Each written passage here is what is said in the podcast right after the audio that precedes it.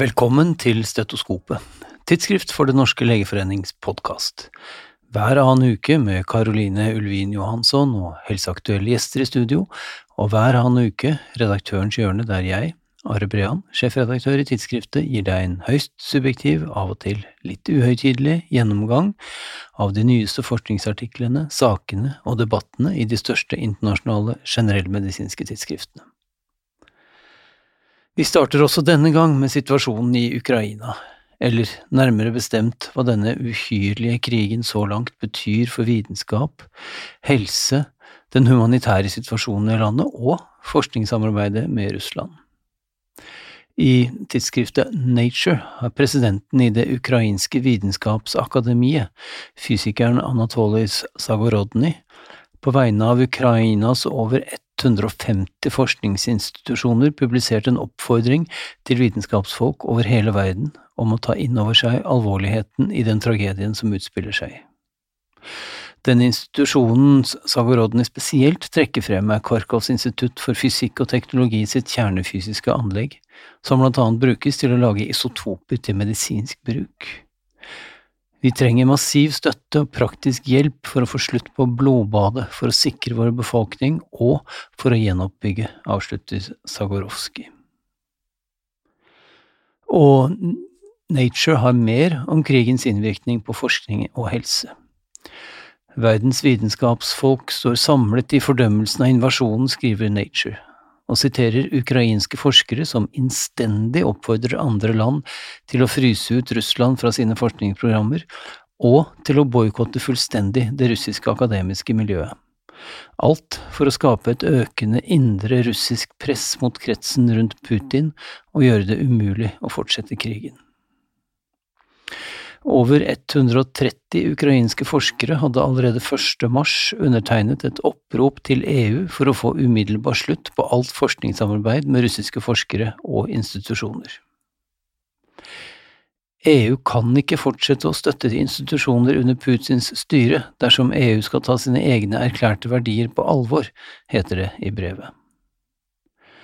Men ikke alle støtter en slik tanke. Tidsskriftet Nature tar på lederplass avstand fra tanken om å boikotte manuskripter fra russiske forskere. En slik strategi ville splitte det globale forskningsmiljøet og begrense utvekslingen av vitenskapelig kunnskap, skriver tidsskriftet, noe som vil kunne skade helsen og velværet til både menneskeheten og planeten.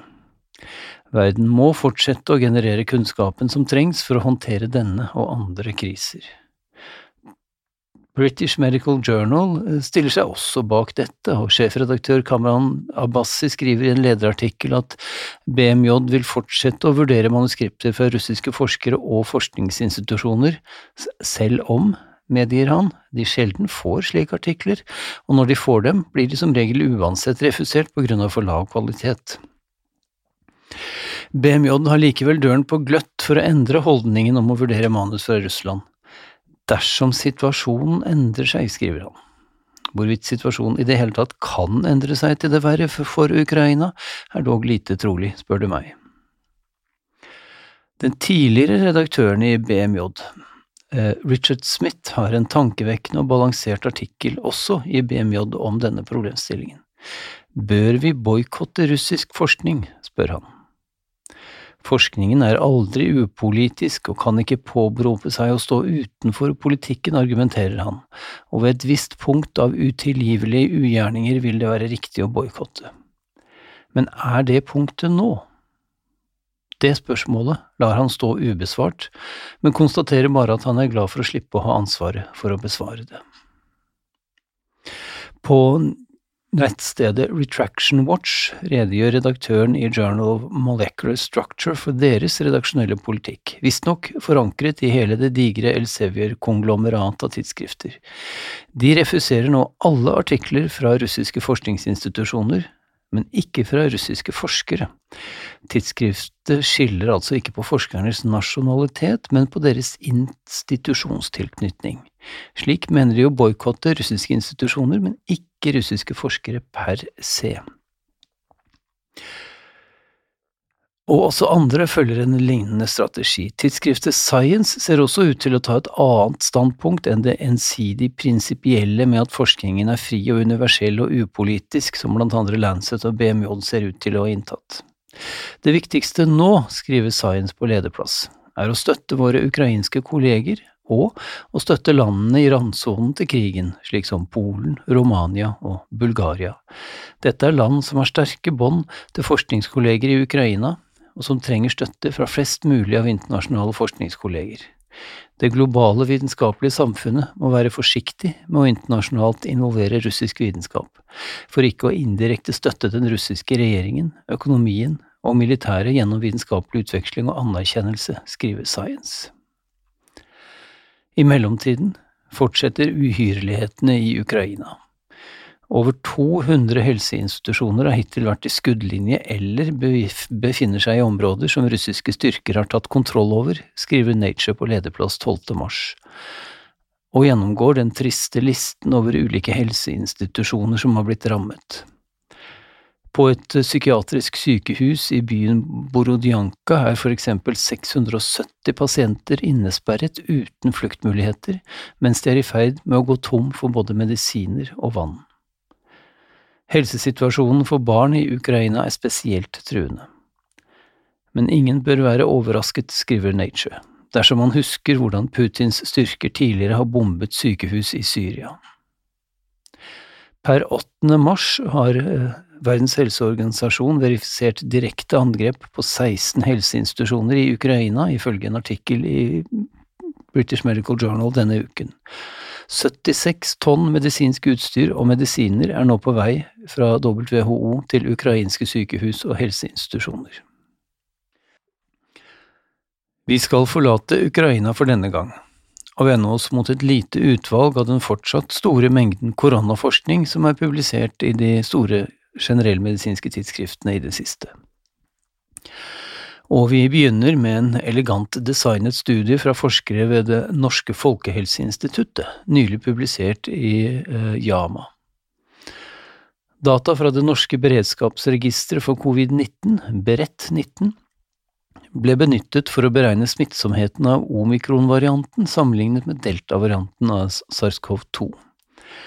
Etter at singelhusholdninger var ekskludert, ble det funnet noe over 30 000 husholdninger med et indekstilfelle av infeksjon mellom desember 2021 og januar 2022. Sekundærtilfeller, definert som verifisert tilfelle innen samme husholdning innen syv dager, ble deretter kartlagt. Oddsratio for et sekundærtilfelle i husholdningen var 1,52 når indekstilfellet var omikron, og 0,93 når indekstilfellet var delta. Interessant nok var det mindre testing av sekundærtilfeller når indekstilfellet var delta enn når det var omikron. Og resultatene altså bekrefter det kliniske inntrykket av en moderat høyere smittsomhet for omikron enn for delta-varianten. Vi skal videre til Annals of Internal Medicine, men holde oss til ulikheter mellom omikron og delta. Pasienter med positiv PCR-test for SARS-CoV-2 fra 13 akuttmottak i akademiske sykehus i Paris-regionen ble inkludert i denne studien fra november 2021 til januar 2022. Til sammen var det nesten 4000 pasienter. Pasienter med omikron-varianten var gjennomgående yngre, 54 år mot 62 år, de var i mindre grad overvektige, de hadde høyere vaksinasjonsgrad, mindre pustevansker og hadde signifikant mindre risiko for blant annet overflytting til intensivenhet, mekanisk pustehjelpbehov og død. Summa summarum bekreftes nok et klinisk inntrykk og tidligere data om at omikronvarianten oppfører seg annerledes enn delta, og at den gir mindre sykelighet og høyere overlevelsesgrad blant pasienter på sykehus. I eh, Yama Pediatrics denne uken ble det publisert en interessant artikkel om brystmelk og antistoffer mot SARS-CoV-2 etter vaksinasjon. Covid-19 har jo vanligvis et mildt forløp hos barn, men kan ha et alvorlig forløp hos nyfødte og spedbarn, og siden en viktig beskyttelsesfaktor mot infeksjon hos spedbarn er sykdomsspesifikke antistoffer i brystmelk, er det interessant hvilke vaksiner, om noen, som gir den høyeste antistoffkonsentrasjonen i melken. I denne nederlandske studien så man på 1650 prøver av human brystmelk fra mødre som hadde fått én av fire ulike vaksiner, enten en av de to mRNA-baserte vaksinene fra Pfizer-Biontech eller Moderna, eller en av de to vektorbaserte vaksinene fra Oxford AstraZeneca eller Johnson Johnson Jansen. Så å si alle deltakerne, henholdsvis 96% og 97% som fikk en mRNA-basert vaksine, øh, viste påvisbar IGA i melken. Når det gjaldt IGG, utviklet alle som hadde fått en mRNA-vaksine dette etter maksimalt 32 dager, mens hos de som hadde fått vektorbasert vaksine, inntraff dette først på dag 94. Ut fra disse data, altså, bør gravide og ammende kvinner velge en mRNA-basert vaksine mot SARS-CoV-2, ikke en vektorbasert. Så skal vi en rask tur innom Yama Neurology, som nettopp har publisert en større studie av eldre overlevere etter sykehusinnleggelse for covid-19. Endepunktet for denne kinesiske studien var forekomst av kognitiv svikt tolv måneder etter utskrivelse. Tidligere friske personer over 60 års alder på innleggelsestidspunktet ble rekruttert. Kognitiv funksjon ble målt etter seks måneder og tolv måneder, og kontrollgruppen var friske ektefeller som ikke hadde hatt covid-19. Alvorlig covid-19 var i denne studien assosiert med høyere risiko for tidlig debuterende kognitiv svikt, med en odds-ratio på 4,87, eh, sent debuterende kognitiv svikt med en odds-ratio på 7,6, og progrederende kognitiv svikt med en odds-ratio på hele 19 det siste justert for både alder, kjønn, utdanningsnivå, kroppsmasseindeks og komorbiditet. Ganske alvorlige funn der, altså. Hvorvidt resultatene kan ekstrapoleres til andre populasjoner i andre land, vet vi selvsagt ikke, men at det er på sin plass å være obs på sene komplikasjoner av alvorlig koronasykdom er i alle fall sikkert, slik disse data også viser. Når er en pandemi egentlig over? Det spør tidsskriftets Science seg i siste utgave. Hver tredje måned siden januar 2020 har en komité av Verdens helseorganisasjons ekspertrådgivere samlet seg for å vurdere om pandemien fortsatt bør kalles en pandemi. Og hver tredje måned, senest nå i januar, har rådgiverne enstemmig blitt enige om at ja, det bør den og WHOs generaldirektør Tedros Adamom Gebreisus har akseptert dommen. Når komiteen skal møtes igjen i april 2022, vil den sannsynligvis komme til den samme konklusjonen, og Tedros vil trolig godta det igjen. Men på et eller annet tidspunkt, estimatene varierer fra måneder til år fra nå av, vil WHO erklære pandemien for over. Denne avgjørelsen har en rekke praktiske og økonomiske konsekvenser. Eksempelvis har legemiddelfirmaet Moderna bestemt seg for å ikke forfølge patent patentrettighetene på sin vaksine før pandemien formelt er over, og Pfizer og Merck har uttalt at de tillater generiske kopier av sine vaksiner inntil pandemien er erklært over. Covax-programmet vil også affiseres av en offisiell pandemislutt. Kriteriene for en slik slutt er ikke vitenskaps- eller evidensbasert, men basert på konsensus, og kriteriene er mer politiske og sosiale, ifølge flere pandemieksperter.